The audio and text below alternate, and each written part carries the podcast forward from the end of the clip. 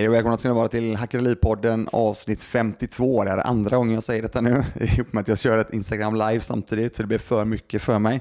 Eh, ni får ta det för vad det är. eh, men, men som sagt, vi, ehm, jag talade lite grann snabbt eh, innan jag fattade att eh, räckknappen inte var på här. Så talade jag om förra veckans avsnitt eh, när det gäller fjällstuga, om det var då tillgång eller inte. I vårt fall så är det en tillgång där vi ska hyra ut den. För de som då inte har lyssnat på det innan får ni jättegärna göra det och uppdatera er själva på vad det innehöll. Idag, eh, tidigare på dagen, så la jag ut en fråga lite grann om eh, feedback ehm, och idéer, tankar gällande ehm, kommande poddavsnitt. Och, ehm, och då tänker jag att bara för att, ja, för att ge så mycket som möjligt för vad det är som eh, ni där ute är intresserade av att lyssna på och vill ha. Ehm, förutom då gäster som kommer löpande här framåt, eh, fram, framgent, eh, så är det ju då också min tanke lite fastighetssnacksrelaterade saker. Och sen så fick jag en hel del då idéer och tankar från er. Och eh, då ska jag göra så här. Ehm, jag fick en fråga här precis på Instagram live också som har att göra med några av tankarna som jag fick tidigare idag. Vad jag har för vanor för att tacka mitt liv är morgonrutiner och kvällsrutiner. Alltså den är ju ganska så stor och bred den frågan, men om, om jag gör så här, om delar upp den på morgonrutiner och kvällsrutiner. Ganska så dåliga båda, båda. Alltså jag har ingenting som säger så här, eh, som det ser ut nu, det går ganska mycket i vågor ska jag säga. Och eh, när det gäller morgonrutinen, det jag gör, jag sover eh, så länge jag kan. Och jag eh, går upp och gör ordning mig för dagen liksom. Och sen åker jag till eh, kontoret. Det är väl egentligen det jag gör. Kvällsrutinerna. Eh, efter att jag kommit hem, då jag rör mig väldigt mycket, det har jag berättat sedan tidigare, men jag rör mig, jag, jag rör mig ju ganska många timmar om dagen, försöker jag då. Eller rätt sagt, eh, jag snittar nog på en tre timmar om dagen känns det som, som det ser ut nu. Med rörelse då. Så kvällsrutinerna blir sittandes i den amerikanska, eller amerikans, amerikaniserade biofåtöljssoffan. Eh, självklart så är det då eh, fotstöd som elektriskt åker ut. Det är även cupholder och även godisförvaring. Så där sitter jag väl kanske en två till tre timmar, ja, kanske tre timmar och kollar på serier. Eh, så det gör jag när det gäller morgonrutiner och kvällsrutiner. Däremot när det gäller vanorna, det är ju jätte, jätte, jätteviktigt då. När det gäller vanor, Ehm, för de som inte har så bra vanor, eller rätt sagt vill ändra sina vanor och även ändra sina beteenden, så rekommenderar jag skarpt, vilket jag gör ofta, James Clear. Eh, Atomic Habits, om inte jag minns helt för det, vad den boken heter. Eh, vanorna för min del, så det handlar hela tiden att eh, försöka på ett eller annat sätt addera mervärde i allting jag gör ha det hela tiden. Det är som ett mantra hela tiden. Försöka hitta saker som eh, när det gäller då, pris är vad du betalar, värde är vad du får. Om du tänker på den hela tiden. Så känns det som att eh, det är betydligt lättare att hitta mervärden i saker och ting. Och även ge mycket mer än vad jag får. Eh, det, det är väl vad jag tycker är bra grejer. Men framförallt då vanorna är ju att jag rör mig väldigt mycket också. Eh, när jag rör mig mycket och svettas mycket så hinner jag ja, landa en hel del. Jobba bort en del demoner i min hjärna och kan tänka klarare. Så eh, det här ligger ju väldigt, väldigt mycket. Eh, det är ju jag vet inte om det är en vana, men det blir mer beteende. För det, det är bara någonting jag gör när det gäller rörelse. Då. Eh, folk kallar det träning, jag kallar det rörelse. Det är mest för att jag leker med orden. Eh, väldigt många människor eh, tenderar att eh, se träning som kanske något lite jobbigt, lite negativt eh, laddat ord, eller lite ångestfyllt för att vi inte eh, personen i fråga inte kan, kanske kommer igång. Jag tycker rörelse är ett, ett, mm, lite trevligare ord, lite enklare att jobba med. Så det är därför jag eh, använder mycket av rörelseordet. Då. Eh, vi se, har vi några mer frågor här? Jag, jag tänkte jag bara kollar här lite grann i den lilla chatten. Så, eh, mm, jättebra. Eh, jo, jag tänkte på det. En annan grej som jag, jag hade en idé om eh, lite olika saker som jag skulle prata om idag. Någonting som är så extremt viktigt. Eh, jag har talat väldigt, väldigt mycket om att bygga förtroende och löpande hela tiden. eh, oavsett var vi befinner oss och vad vi gör. En sak som är så jäkla viktig, det är ett bra handslag. Folk får säga vad de vill om det, men det är bland det viktigaste som finns. Jag vet inte hur många gånger jag har ehm, eh, blivit presenterad olika människor. Sen kanske ni inte behöver göra som jag gör, men jag har gjort det, jag gör det titt som tätt. Är handslaget för kast eller dåligt så är jag ganska snabb på att säga det. Jag vet inte om det är så optimalt, men, men det, det är så extremt viktigt eh, ett handslag för mig. Det får ju då inte vara för hårt och det får framför allt inte vara för löst, eller rätt sagt den döda fisken. Ehm, så ehm, det, är en, en stor rek att jobba på sitt handslag. Sen så säger folk som vet också hur, att ett utseende också då är viktigt. Alltså eller hur, riktigt hur, hur jag är dressad och Eh, potentiellt hur jag ser ut. Då tänker, då tänker jag så här på mig, fan, jag har inte ens en tand liksom. Ni ser, de som sitter och tittar på detta nu, jag vet inte, men jag har inte haft några som helst utmaningar med det, för jag är ganska så eh, jag bryr mig inte så mycket om det där och det är ingenting jag tänker på alls. Och då eh, projicerar jag inte det utåt heller på något sätt. Så där vet jag inte riktigt vad jag ska säga. Jag, jag tycker det funkar rätt bra att eh, ha det så som jag har det. Eh, om inte annat så kommer folk ihåg mig i alla fall. Det är han utan tand. Det är bra brand, eller? Jag vet inte. Eh, jag fick en fråga här. Nu tar den. Eh, hur går dina spekulationer kring om vi befinner oss i toppen av en bostadsbubbla? Är det riskabelt att gå in i snabba köp, renovera, sälj bostads, eh, bostadsaffärer då man håller bostaden 6-12 månader. Mm. Det här är faktiskt en grej som jag får ganska ofta också, den här frågan. Eh, för det första så spekulerar jag ingenting när det gäller fastighetsköpen jag gör. Eh, inte alls. Jag, är, eh, jag försöker vara så mycket buy and hold som möjligt, alltså köpa, hålla och förvalta, förädla och så vidare. Med det sagt så gjorde vi faktiskt en flipp förra året.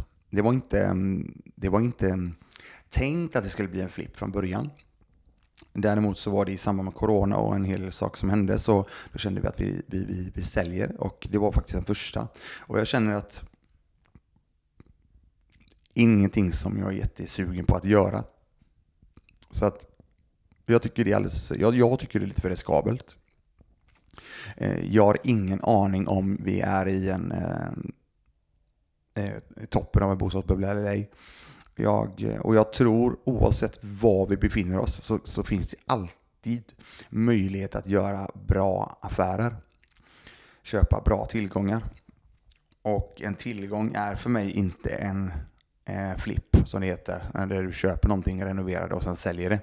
Jag, jag tycker själv inte att det är en direkt tillgång utan det är en viss form av gambling där du inte, där du har, där du har, där du inte riktigt har på, möjlighet att påverka allting. För, för om man nu ser till våran flipp förra året så blev det ju uppskjutet ganska mycket ihop med coronan.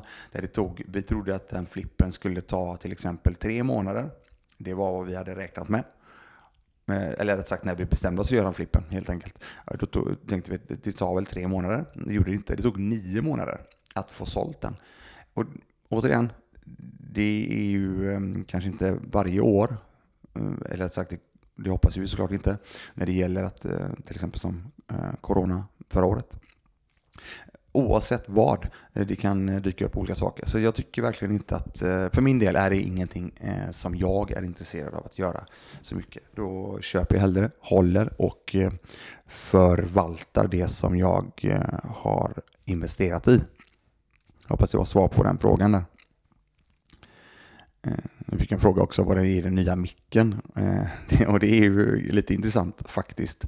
Eh, jag la upp bild på USB-mick och Roadcasten eh, har ingen USB-ingång för mickarna. Så att jag fick eh, snällt lämna tillbaka de eh, mickarna och vänta på nya.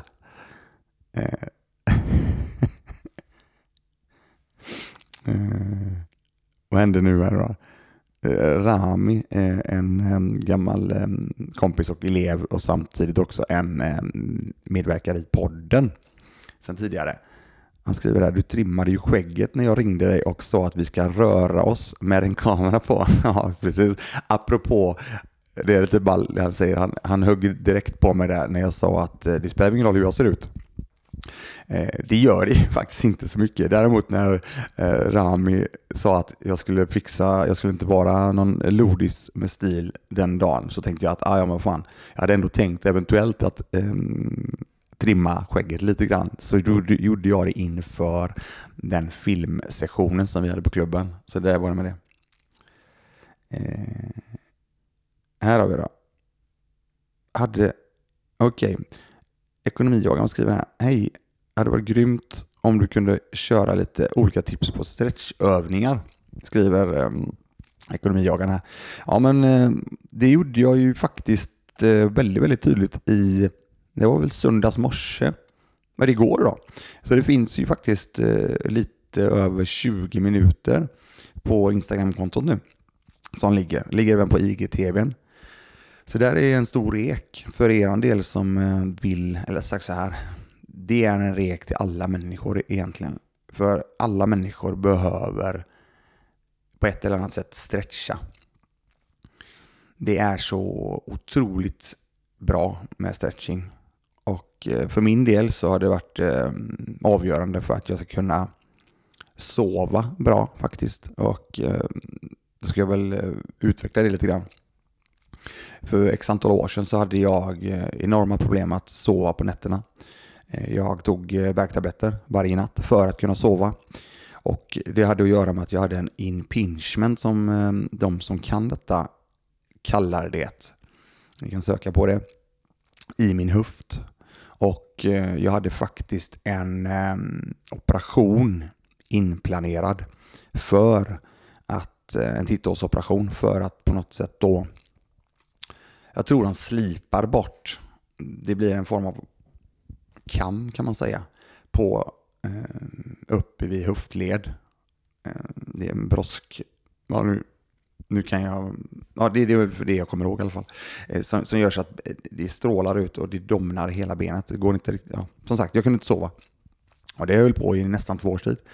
Eh, och då tog jag efter det, men i samband med det, så började jag ta min stretching på mycket, mycket större allvar. Eh, började göra mycket av de här rörelserna som jag visar på Instagram-kontot. Eh, nu senaste då. Och även massa andra övningar som finns också på Instagram-kontot. Och eh, det har alltså gjort så att jag eh, numera, ja, sedan många år tillbaka, inte behövde operera mig. Jag behövde inte eh, ta värktabletter för att kunna sova. Så det är en jätterek att ehm, eh, stretcha, rehabba sin kropp och även eh, för de som har utmaningar med sin kropp rehabba när någonting händer. Eh, då är det rehab, eh, prehab, alltså förebygga helt enkelt att det inte ska hända. Här har vi någonting då. Eh, milon, eller Melloon någonting står här. Eh, Hej, har du några andra hemsidor, tips på att hitta objekt förutom objektvision och Hemnet? Jag har inte det faktiskt. Eh, jag, det finns lite olika där vad jag, vad jag fått höra efteråt, så här, men det är ingenting som jag kollar. Jag kollar faktiskt eh, och med det då så är det så att numera så kollar jag inte på objektvision eller Hemnet. För det, det har också att göra med att du bygger upp ett nätverk av människor när, och, och, och, när du, ja, du bygger upp ett förtroende helt enkelt för um, att du till exempel du committar på det du säger, att du gör det du säger att du ska göra och du levererar. Eh, till exempel att du säger att du ska köpa en fastighet och du gör det. Eh, då bygger du förtroende för, dina mäklare, för mäklaren, ehm, eh, folk runt omkring dig och så vidare som också då kanske jobbar med fastigheter.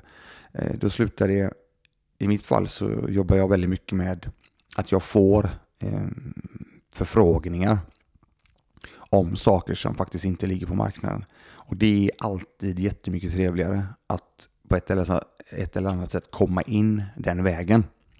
Sen är det inte det, den vägen som vi kan börja med, utan vi behöver göra jobbet helt enkelt. Och då var det för mig i alla fall objektvision. Sen finns det lite olika andra säkerligen ute.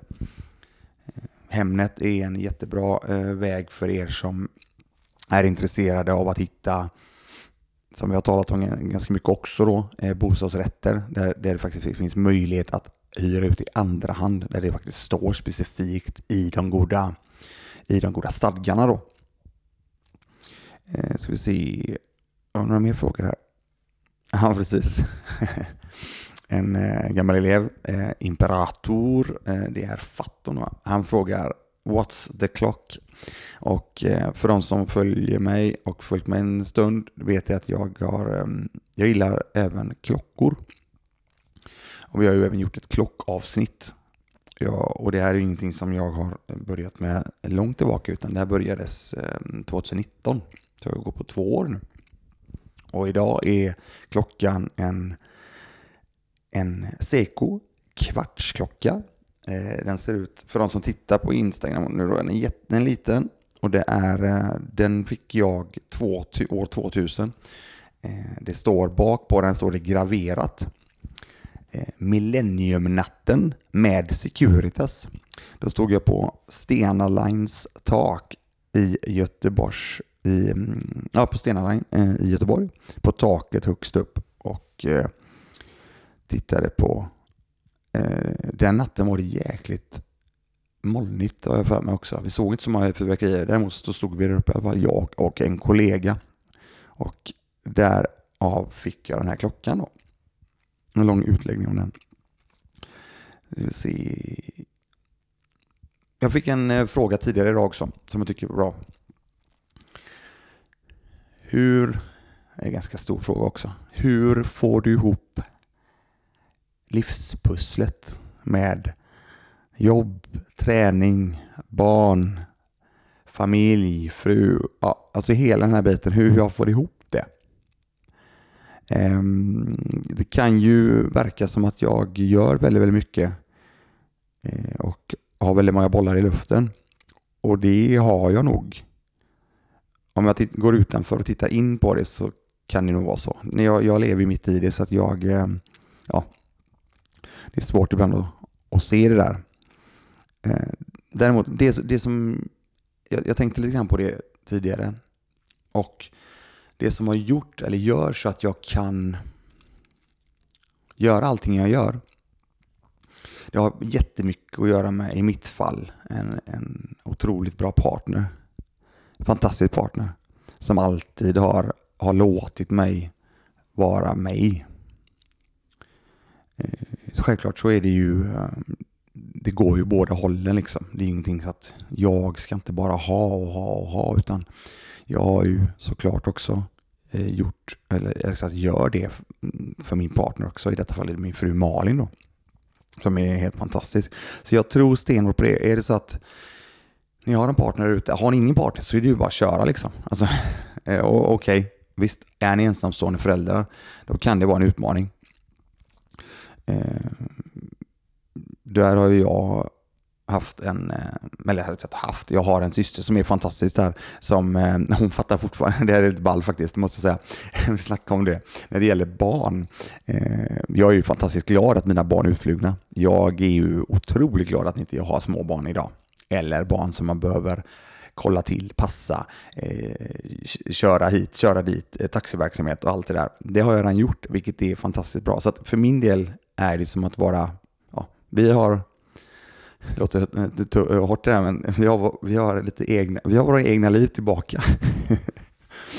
och eh, vi, vi kan göra det mesta. Det har vi alltid kunnat göra ändå ihop med barn, för vi har alltid haft bra människor runt oss som faktiskt har hjälpt till med barnvakt. Och det var det jag vill säga om min syster just hon, hon var alltid så skön, hon, hon ringde till oss. Hon ringde alltid till oss och bara Åh, jag skulle kunna få passa barnen. Jag menar, det där är ju fantastiskt liksom. Vem fan gör det liksom? Så att, jag snackade med henne om detta nu och hon bara, jag fattar inte vad jag är på med. Liksom. Hon var, hon, ehm, ja, alla blir äldre. Men däremot så, det var ju fantastiskt ehm, bra. Så att eh, när vi väl, ehm, vi fick ju barn, om jag, om jag ser till mina kompisar, det umgänget som jag har, eller hade, och har fortfarande, så var jag väldigt tidig när det gäller barn. Och eh, i samband med det så hade vi ju, vi hade ju med oss barnen överallt också. Däremot så hade vi också mycket folk runt omkring oss, familj som eh, vi verkligen ville hjälpa till och passa barnen. Så det är en stor grej. Ehm, sen tror jag på att eh, blocka tid. Numera känner jag att eh, finns det inte i min kalender så finns det inte. Så att, eh, det är också en grej som jag tror för, för, att få ihop någon form av pussel. Sen om det är en, en kalender, vilket jag vet många kör, eh, familjekalender, där vi skriver in, eller rätt sagt inte jag, men jag vet att väldigt många, eh, eller många vänner till mig gör det för, för familjen. Eh, vad som sker i veckan och det är träningar hit och det är träningar dit och det ska, det ska ja. Så det, jag tror det kan vara en jäkligt bra hjälp eh, för att ha koll på vad som ska göras och inte. Det är en jättestor fråga, så det var några reflektioner som jag, eller några tankar jag hade om just den. Nu ska vi se. Här har vi, just det, som svar på den då, tidigare den frågan. Så okej, okay, då börjar jag lösa lite kontakter, säger eh, Melon. Jag pluggar till fastighetsförvaltare och kan nog börja att hitta kan nog börja hitta bra kontakter där. Tack. Ja, nej, men tack själv. Ehm, du pluggar till fastighetsförvaltare. Jag tror det är ganska många som gör det nu. Jag gick ju en, för de som inte vet det, så gick jag en, en termin av fem tror jag det är. Det är väl två och ett halvt års utbildning om inte jag minns helt fel på den. Det gick på eh, Newton här i Göteborg. Tyckte den var väldigt, väldigt trevlig. Eh, sen att jag slutade, det gjorde jag på grund av att jag fick väldigt, väldigt mycket annat att göra eh, som var fastighetsrelaterat. Jag kände att jag hade, så det blev all in på det helt. Då. Jag hade någon idé att jag skulle faktiskt då bygga nätverket lite, lite bredare och större eh, via den här utbildningen. Eh, men eh, jag har några kompisar eh, som, som har gått ut, ut, ut utbildningen idag och eh, de har jobb. Så att ehm, det är bara att önska lycka till här och kör. Jag menar, det är ju en jäkligt schysst utbildning när det gäller att hitta, eh, gäller bara att hitta bra LIA, alltså lärande i arbete tror jag det är en förkortning för. Så det är ju praktikplats då. Så det är ganska mycket praktik på de här YH-utbildningarna som de heter. Och när vi ändå snackar pluggar då och eh, YH-utbildningar, eller oavsett eh, plugg tänker jag, då finns ju något som heter CSN-lån. Och eh, det finns inte många bra lån där ute om man ser till eh, eller rätt sagt så här, det var fel sagt. Det finns en jäkla massa bra lån där ute. Det handlar bara om Ska du göra det till ett bra lån eller ska du göra det till ett dåligt lån? Ett dåligt lån för mig är en konsumtion, alltså ett konsumtionslån. Där du köper någonting till exempel eller så att du bara bränner pengarna. Låt säga att du skulle låna pengar till en en eh, resa och eh, leva upp de pengarna till exempel på att käka god mat och ja, kanske hyra en schysst bil för att färsa för polarna. Mm. Det är ett jäkla dåligt lån liksom. Däremot så kan du ha ett, eh, kan, kan du då till exempel som CSN-lånet då, eh, ta fullt CSN-lån jobba parallellt med att du pluggar, vilket du kan göra och tjäna ganska bra med pengar utan att behöva, ja, du får verkligen lov till det. Och då kan du då investera de här CSN-lånspengarna i tillgångar. Om det nu är, låt säga att det kanske är, låt säga att det är börsen då. Låt säga att det är fonder. Eller kanske aktier till och med. Det kanske också kan vara så att du har ett CSN-lån och så en gång i tiden så har du gjort dumma saker och du sitter med mm, blankolån låt säga som inte har någon säkerhet eh, som har eh, 4% i ränta eller du kanske sitter på 7% i räntelån. Eh, och då kan du använda dina CSN-pengar och betala tillbaka de här pengarna. Göra dig skuldfri när det gäller då det här jävligt obra lånet egentligen som du kanske bara konsumerat. Alltså det är lite tankar och idéer runt omkring att det faktiskt finns bra lån. Det handlar om vad du gör med pengarna. Och, ehm, och det, det är... Ehm, och när vi ändå är inne på blankolån, nu spinner jag iväg här, men jag, jag, jag, jag tar det också. Jag har nämnt det tidigare. Låt säga att ehm, Blankolån, det är samma sak där. Jag har också blivit sådär, blanko, shit, det där, är, det där får vi passa oss för och så vidare. Ja, det är klart som sjutton, kan vi inte hantera det och inte ha koll på vad vi gör, då är det inget bra liksom. Det är verkligen inte det. Däremot, är det så att du får tag i ett blankolån för låt säga, låt säga 3, ja, 3,5 procent. Det finns absolut blankolån där ute för 3,5 procent. Låt säga att du har det och du har ett system eller att du har ett sätt att arbeta där du vet att du har 12 till 15 procent i avkastning på, på en tillgång till exempel. Är det intressant då att faktiskt kanske ta det där blankolånet till att göra en sån grej? Det är ju upp till en själv att eh, räkna på. Så att det finns hela tiden olika vägar att jobba på. Oavsett så är other people's money en stor del i att eh, jobba fram ett stort eget kapital. Skulle jag säga. Ska vi se. Här har vi det.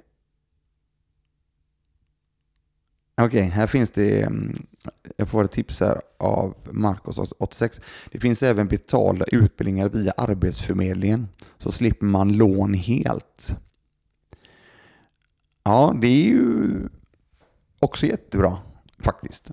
Eh, det som jag då nämnde, det är ju att jag ser det som en möjlighet så länge jag har ett extraarbete så ehm, hade jag ju i alla dagar i veckan tagit ett fullt CSN-lån. Verkligen fullt, fullt, fullt. Det är med mina eh, erfarenheter och det som jag kan idag. Det finns inget lån som är så bra som CSN-lånet, faktiskt. Det finns inte. Eh, det, det, det är alltså sådana gratispengar så det är, eh, det är fantastiskt. Är det. Så att för er som inte har tagit CSN-lån i samband med att ni pluggar, tänk till. Jag hade gjort det alla dagar. Jämt. Ska vi se. Uh, vad har vi mer här då? Vi har um, Rickard, hej Christian, nice med live. Angående klockor, hittar du via kontakter online eller butiker? Ja, en klockfråga till här. Det var roligt. Um, Nej men um, det är samma sak där. Jag, jag pratar ju jättegärna med, så jag säga så här. Det har ju att göra med, låt säga för min egen del, om jag vill utveckla min träning till exempel, eh, och jag har hållit på i många, många, många år, men till exempel kampsport, och jag vill utveckla min kampsport, eller rätt sagt, låt säga brasiliansk jitsi.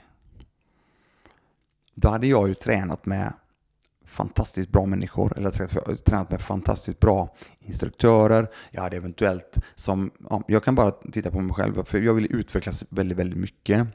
Eh, då drog jag till USA, åkte omkring där på olika ställen och så vidare och eh, tränade med ja, väldigt bra personer. Och så att jag har ju använt mig av exakt samma sak. Det är ju samma sak med fastigheterna till exempel. Där jag har byggt nätverk, lärt känna människor som är grymt duktiga på det de gör. Och det är exakt samma sak här när det gäller klockorna. Jag visst, alltså jag måste ju ta tag i folk som kan saker, som är riktigt vassa på det. Så att eh, som svar på den så är det kontakter. Sen har jag köpt eh, direkt från butiker också. Men det också har att göra med att jag bygger upp relationer och så vidare på det sättet. Eh, som Rami var inne här för en stund sedan eh, och ställde en eller rätt sagt sa till mig av en sak. Jag kontaktade Rami, det första jag gjorde när jag tänkte att nej, fan, jag, jag behöver ha en klocka nu för nu ska jag börja springa lite grann. Och då ringde jag honom, eller meddelade honom och han sa direkt, ja men den här kör jag med. Den är bra. Ja, jag har förtroende för Ami. jag vet vad han gör. Fantastiskt på det han gör och med löpning och så vidare. Och eh, ja, förutom att hålla andan snart i, ja, i nio minuter och så vidare och så vidare. Ni får lyssna på den under ytan om inte annat. Det är ett Hackaliv ehm, Eh, avsnitt, Hackelipodden avsnitt. Och eh, jag menar, jag har förtroende för honom. Säger han till mig att köpa den klockan, ja men du gör ju det. Då vet jag det att det är en bra grej. En referens helt enkelt. Eh, ska vi se. Vad har vi mer då? Eh, skulle du tagit CSN-lån och lägga nästan allt in en indexfond? Mm mm, mm, mm, mm. Det finns ju olika fonder ute. Jag tycker att det finns ganska intressanta fonder. Jag tycker ju någonting som heter investmentbolag är jättetrevligt. Det är ju eh, och framförallt svenska investmentbolag eh, som har en jätte, jättebra track record eh, över en jätte, jättelång tid. Det finns ju olika, till exempel Investor, Industrivärden, eh, vad heter det? Lundbergsföretagen och ja, det finns väldigt, väldigt många. Men då finns ju även en fond till exempel som investerar, investerar specifikt är sven, in i, i svenska investmentbolag. Så det hade jag varit lite mer intresserad av. I så fall, men det är ju jag. Så att eh, jag har ingen erfarenhet av rena indexfonder. Ja, det var väl i så fall att jag hade, la väl en del av min pension i Avanza Zero för ett tag sedan. Eh, eller ett tag sedan, det var några år sedan rätt sagt, som jag redan ändrade då. Så jag har inga indexfonder, rena indexfonder i den bemärkelsen. Mm. Nej, jag tycker det finns ganska trevliga fonder där ute som jag hellre kanske hade lagt pengarna på så fall. Som har bra track record såklart, historiskt sett. Eh, ska vi se. Här får jag en annan fråga om träning. Kör du någon speciell kost för att orka köra så mycket som du gör? Ja, det här är också en... Eh, jag, jag säger, grejen är så här, jag, jag kör ju en hel del PT. Och det första jag säger där, det är att jag teknikträning, rörelseträning, eh, när det gäller eh, handstående, huvudstående, ehm, capoeira, eh, kick, thaiboxning, brasiliansk jitsi, alltså hela, hela det där kittet känner jag att, vad fan, jag kan ändå lära ut det på ett rätt bra sätt för relativt hög nivå på det mesta när det gäller den biten. Det, jag, det första jag säger dock är att jag, det finns inte en chans att jag snackar kost. Jag, jag ehm, det är, nej, jag, jag, är, jag är för dålig på det själv. Jag vet vad jag ska äta. Jag, eller sagt, jag vet vad jag bör äta. Eh, däremot så är det så att jag rör mig så mycket så att jag har ett sånt, jag behöver äta det funkar för mig att äta det jag gör liksom. Med det sagt så käkar jag inte bara, jag käkar inte matmässigt, käkar inte skit, jag käkar bra grejer liksom. Det är bra mat. Där jag är bedrövlig, det är ju på sockerintaget. Så är det. Och ja, det är, ehm, det är, eh, återigen, bestämmer jag mig för att jag inte vill käka godis så kommer jag inte äta godis. Och så är det för min del. Däremot så känner jag, fan jag tycker det är så, jag tycker det är nice liksom. Jag tycker det är gott. Sen finns det ju alltid olika, det finns olika nivåer i helvetet som eh, jag har hört någon säga. Men det, eh, det blir lätt eh, lite, lite för mycket i vissa lägen. Så det var svar på den frågan om kosten just. Så jag, eh, det är ingenting som jag vill ens säga till någon. För jag kan inte, det jag pratar om, det måste jag själv känna att det kan jag stå för alla dagar i veckan. Och ehm, det, så ja, men det var svar på med, med kosten just där. Eh, ja, jag fick en fråga här också, apropå kampsporten. Vad har jag för bälte eh, i eh, jitsu? Eh, ja, det har jag. Jag har inget högt bälte där faktiskt. Jag har eh, jag skulle precis gradera mig till lila när vi faktiskt backade ur lite grann och eh, hoppa av vår grupp. Då. Det finns lite olika grupper och eh, klubbar och så vidare. Sen vi, vi, vi la ner vår bi-del just där och då. Eh, med det sagt då så har jag kört grappling, alltså no-gi. Har jag kört i, um, jag går mot, mot, mot 14 år nu då ganska seriös träning när det gäller då no-gi. Sen eh, GI-träningen ligger väl på en tre, kanske närmare fyra år av det är GI. Så att eh, graderingsmässigt så är det blått. Och det är väl, jag tror det är ganska missvisande eh, om man nu ser till hur det går på när vi rullar och så vidare. Men det är återigen, det är ehm, det finns ju de eh, blåbältarna som är otroligt duktiga där ute och eh, klappar ut svartbältare hit och dit. Och sen så finns det de blåbältarna som har tränat en gång i veckan i några år, eller två år säger vi. Medan det finns blåbältare som som sagt som kör två, tre pass om dagen. Så det är väldigt sådär, mm, mycket har du tränat liksom. Sen finns det de som är svartbältare. Ja, exakt likadant. Har tränat kanske, ja, får ett svartbälte för att de har hållit igång x antal år och um, tränat lite lagom. Och så finns det då såklart svartbältare som är på en helt annan nivå. Så det är väl eh, lite tankar om bältesgrad då. Eh, jag fick en fråga till idag.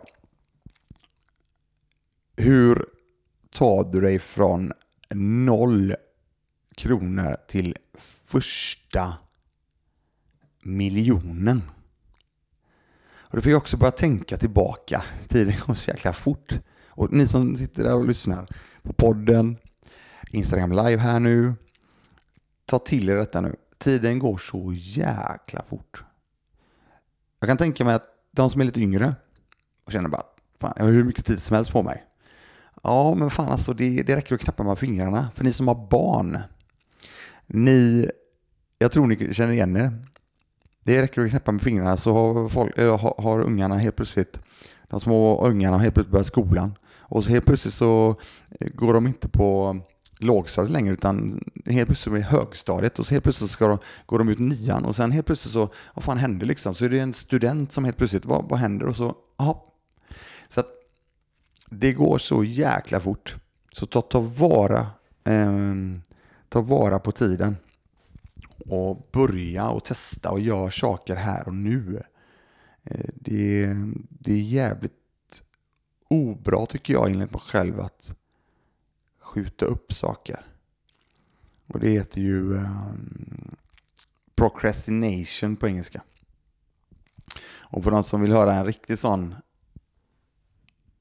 tumme i röven historia så finns det ett avsnitt som är väldigt, väldigt talande när det gäller tumme i röv och så vidare på Hackaripodden. Nu kommer inte jag ihåg vilket avsnitt det är dock.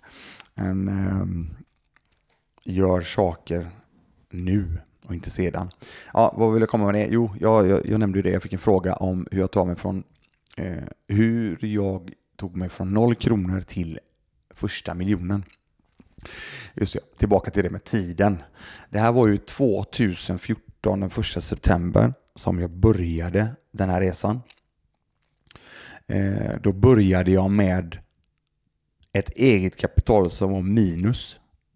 För då hade vi i samband med det här Eh, att jag då styrde upp ekonomin, jag gjorde ett hopsamlingslån för att betala massa annan skit. Fick lite pengar över från det lånet. Tog de pengarna, tog barnens, eller sagt de pengarna jag och Malin har sparat till barnen. De pengarna jag säger bara vad jag har gjort nu. Jag säger inte att ni ska göra det. Jag säger vad jag gjorde. Eh, tog de pengarna och började investera på börsen. Jag började investera på börsen och eh, i utdelningsaktier. Och här, här ligger ju ganska mycket i avsnitt nummer ett till exempel. Och även lite i tvåan, avsnitt nummer två på Akademipodden. Däremot så kan man gå lite djupare på det här med hur jag tog mig till den första miljonen. Det, det har ju helt och hållet att göra med att jag... Ja, ni som har följt med ett tag, tror jag, har en uppfattning om att jag ändå, när jag väl kör så kör jag liksom. Och, och det gjorde jag verkligen där och då. Jag gick ner och jag, hade, jag låg på den lägsta sparkvoten jag låg på från det att jag började. Det var 50 procent. Det var den lägsta, alltså det var det absolut, ja, det var, eller förlåt mig, det var det sämsta jag gjorde. Sen var det ju ända upp till över 60-65 procent i vissa månader. Tillsammans med alla pengar som jag faktiskt jobbade fram eller jobbade in, eller vi jobbade in, gick oavkortat in i börsen. Så att hade väldigt, väldigt eh, mycket tryck eh, när det gällde inflödet. Samtidigt som jag sänkte alla utgifterna och samtidigt då så höjde jag även en hel del intäkter genom att jobba ännu mer. Och allting gick in i börsen. Så det är egentligen det som var själva nyckeln till allting. Det tog, och sen att faktiskt under de åren så gick börsen riktigt bra. Inte ens i närheten av vad den gjort sedan eh, coronadippen, ska, ska sägas. Däremot så eh, var det ett jättetrevligt år fram tills, jag tror det tog ett och ett halvt år. Ja, det är nästan exakt ett och ett halvt år. Jag tror det är februari 2016 någon gång där som jag faktiskt sett första miljonen. Eh, och det är ju faktiskt fem år sedan, över fem år sedan nu.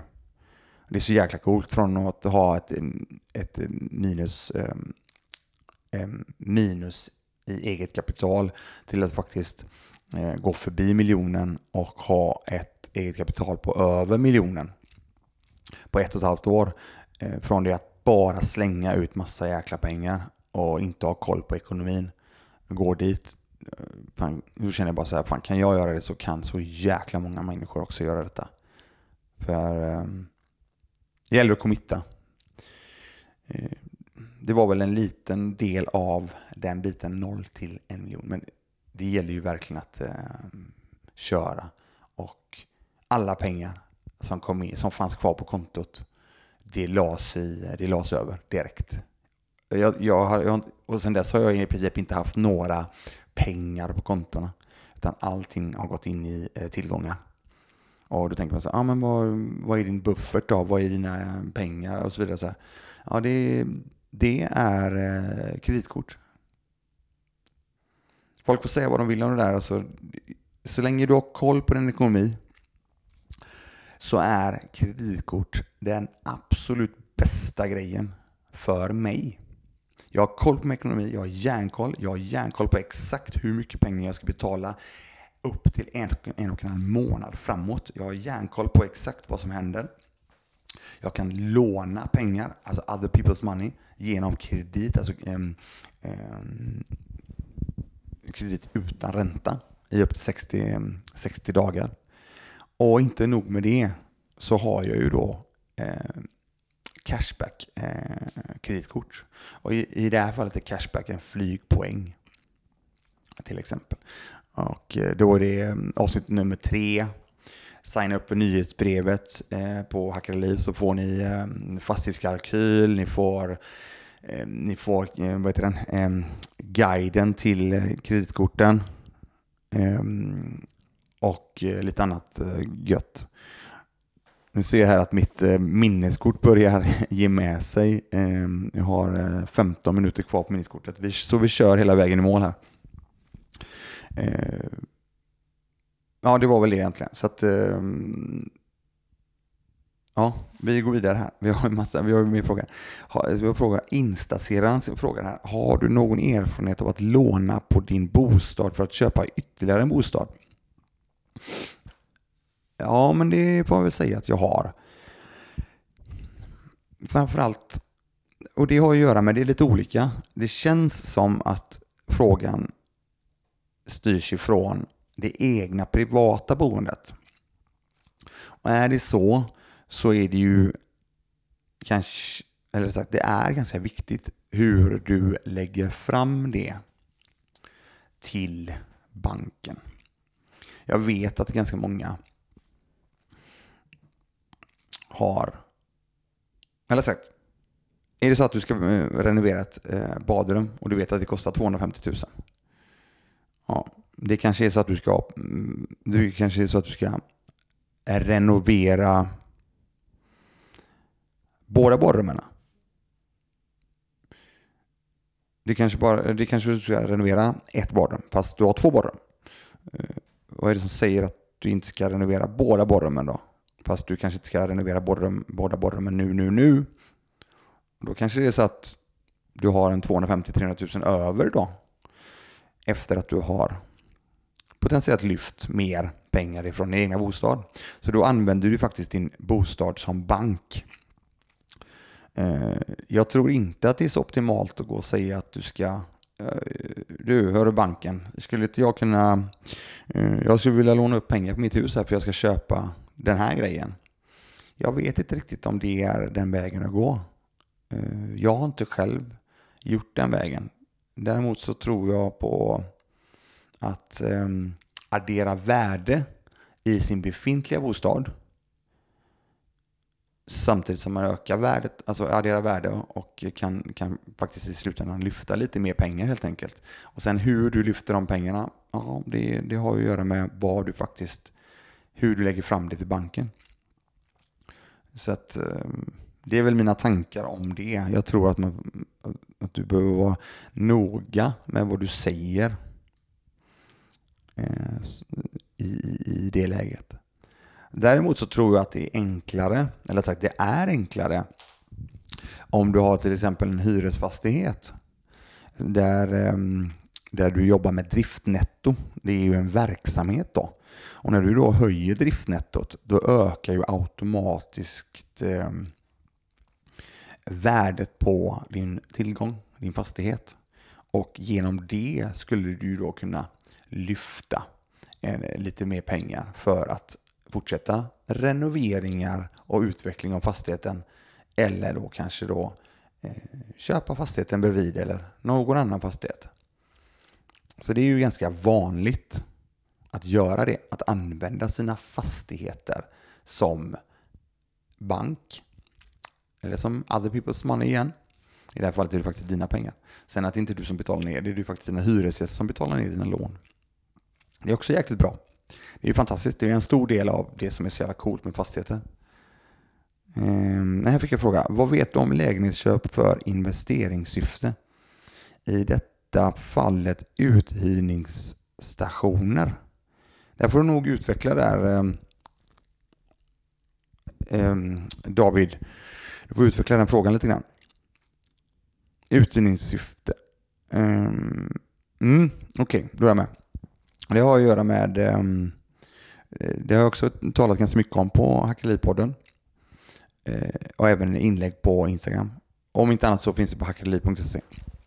Då är det så här att ehm, när det gäller lägenhetsköp så köper du en, eh, eller sagt, det, det kan vara en utmaning tror jag, när du ska göra det här köpet till banken. Jag, jag vet att banken kanske inte är alltid jätteintresserade att du går och köper en lägenhet för att hyra ut. Det är samma sak där. Är det optimalt att säga att det, det ska göras på det sättet? Mm. Jag vet inte. Jag tror inte det. För det är väldigt, väldigt lätt att eh, banken säger nej på grund av att det är, de brukar kalla det spekulation. Och de jobbar inte med spekulation.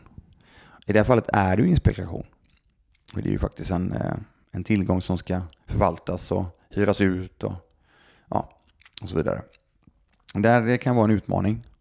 Det, där gäller det verkligen att jobba, jobba och bygga ett starkt nätverk och bra relationer som jag alltid pratar om. Sen ehm, när det gäller lägenhetsköp så finns det olika former. Man kan inte bara köpa en lägenhet vilken som helst och sen ska hyra ut den. Utan det är som jag sa tidigare idag eh, i avsnittet här som spelas in idag och även på Instagram live så, ehm, så handlar det om att du måste ju kunna hyra ut den här i andra hand. Annars eh, är du inte alls bra. Så då gäller det att hitta de objekten.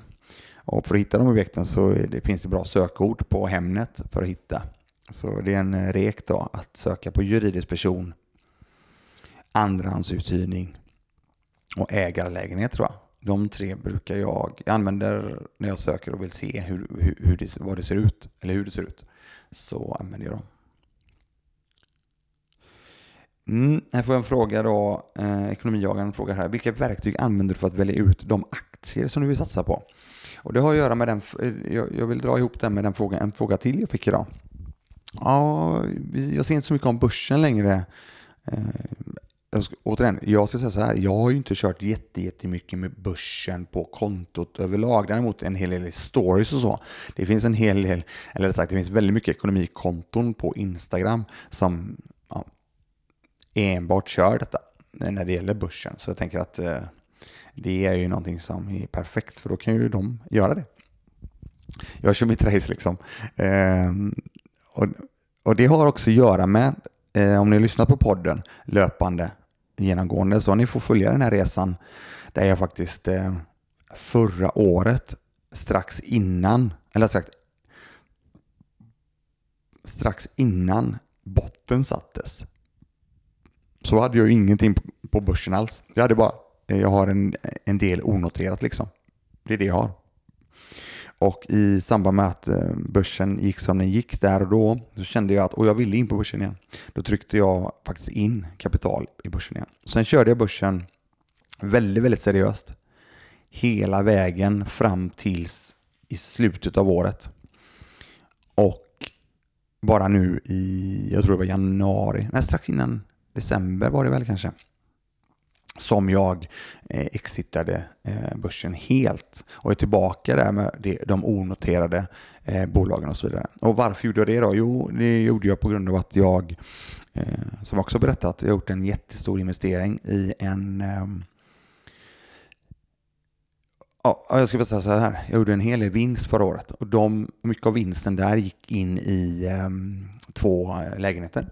Och nu i år så gick Eh, resten av detta in i en jättestor, den största fastigheten, eller största investeringen i fastigheter jag har gjort, som eh, jag tillträder eh, första juni. Så där har ni svaret på vad jag, varför jag inte är på börsen till exempel. Och jag känner inte riktigt att jag, ehm, som svar på frågan då när det gäller det här, vad tittar jag på aktier och så vidare. Jag tittar, ehm, jag tittar historiskt Eh, jag har tittat eh, jättemycket. Jag, är väldigt mycket för utdelningsaktier. Och jag ska väl säga så också, Hackerliv liv portföljen, den finns ju kvar. Då. Den, finns ju, den ligger på hackerliv.se eh, via Linktree där. Där står det. Där kör jag för lite kul för att visa eh, utdelningsaktierna och så vidare. Så det var det jag började med och det är någonting som jag lite lätt löpande ändå investerar i. Men den stora delen är, har jag helt enkelt gått ur just um, ja, sen, sen ett tag tillbaka. Med det sagt så säger jag, det är inte den sista gången jag tycker börsen är fantastiskt. Och jag tycker absolut man ska köra eh, investeringar i tillgångar. Eh, min fokus ligger fastighet, på fastighetssidan. När det gäller fonder och så vidare så är det ju pension då, pensionen. Okej, här och så. Här fick jag. Vad vänder man sig till att hitta investerare om man har några bra idéer? Ja, Okej, okay, du vill pitcha någonting. Är det så, Marcos? Vill du pitcha saker? Alltså vill du sälja in och hitta investerare till någonting som en idé? Du får gärna säga eh, om jag har fattat den rätt, den frågan. Ehm, vad springer iväg här nu? Det här är 54 minuter och det är ju kul ändå att se att räckknappen faktiskt lyser så som den ska göra. Jag börjar ju ehm, kvällen här med en härlig grön knapp på räcken. Det är ju bra. Mm, han pratade i alla fall en fem minuter innan jag såg det. Så det var ju tur att jag inte såg det nu. Eh, exakt, ekonomisk hjälp då. Okej, okay, okej. Okay. Mm. Jag vet inte. Det, det är väl så att eh, de får väl införa det här draknästet igen eller någonting. De la ju ner det ganska snabbt där. Eh, jag, jag måste säga pass på den. Det finns väl en hel del nätverk vad jag vet. Eh, och startup-community och, och sådana saker. Jag är jättedålig på det. Eh, däremot så vet jag att det finns en del nätverk. Jag tror säkert att det finns i, i de flesta städer, eller i alla fall större städer finns det det. Där det finns olika nätverk där unga företagare eh, kan få vara med på i, i riktigt bra nätverk. Där har vi faktiskt en, eh, Sara Serai som är med i avsnittet som heter Valley Bites. Eh, Sara från Valley Bites rättare sagt. Hon eh, körde hela den resan så där skulle jag nog rekommendera att lyssna på i så fall. Eh, det hackade Hackeliv på det avsnittet då. Eh, hon berättar en del om det faktiskt när jag tänker på det. Funkar inte micken alls eller vadå? Nu kommer Spara Cash in här också och säger att micken inte funkar. Vad är detta? Jag har ju, som sagt, för de som inte ser det så har jag ju en liten eh, AirPod Pro i örat också samtidigt som jag pratar i en eh, liten sån eh, eh, vanlig mick här för att vi spelar in podden här idag. Ja, okej. Okay. Det var ett skämt enligt eh, verkar det som då. Men det var ju kul. Gött. Ja, härligt. Eh, ja, nu har jag tre minuter kvar här på minneskortet i alla fall. Det har sprungit iväg. Men vi gör så här. Eh, grymt eh, kul att eh, ni fanns på telefon eh, och hängde med resan här. Eh, och eh, så ska jag bara ta avrunda den här härliga. Jag tänkte att jag ska lägga upp den här Instagram-liven också.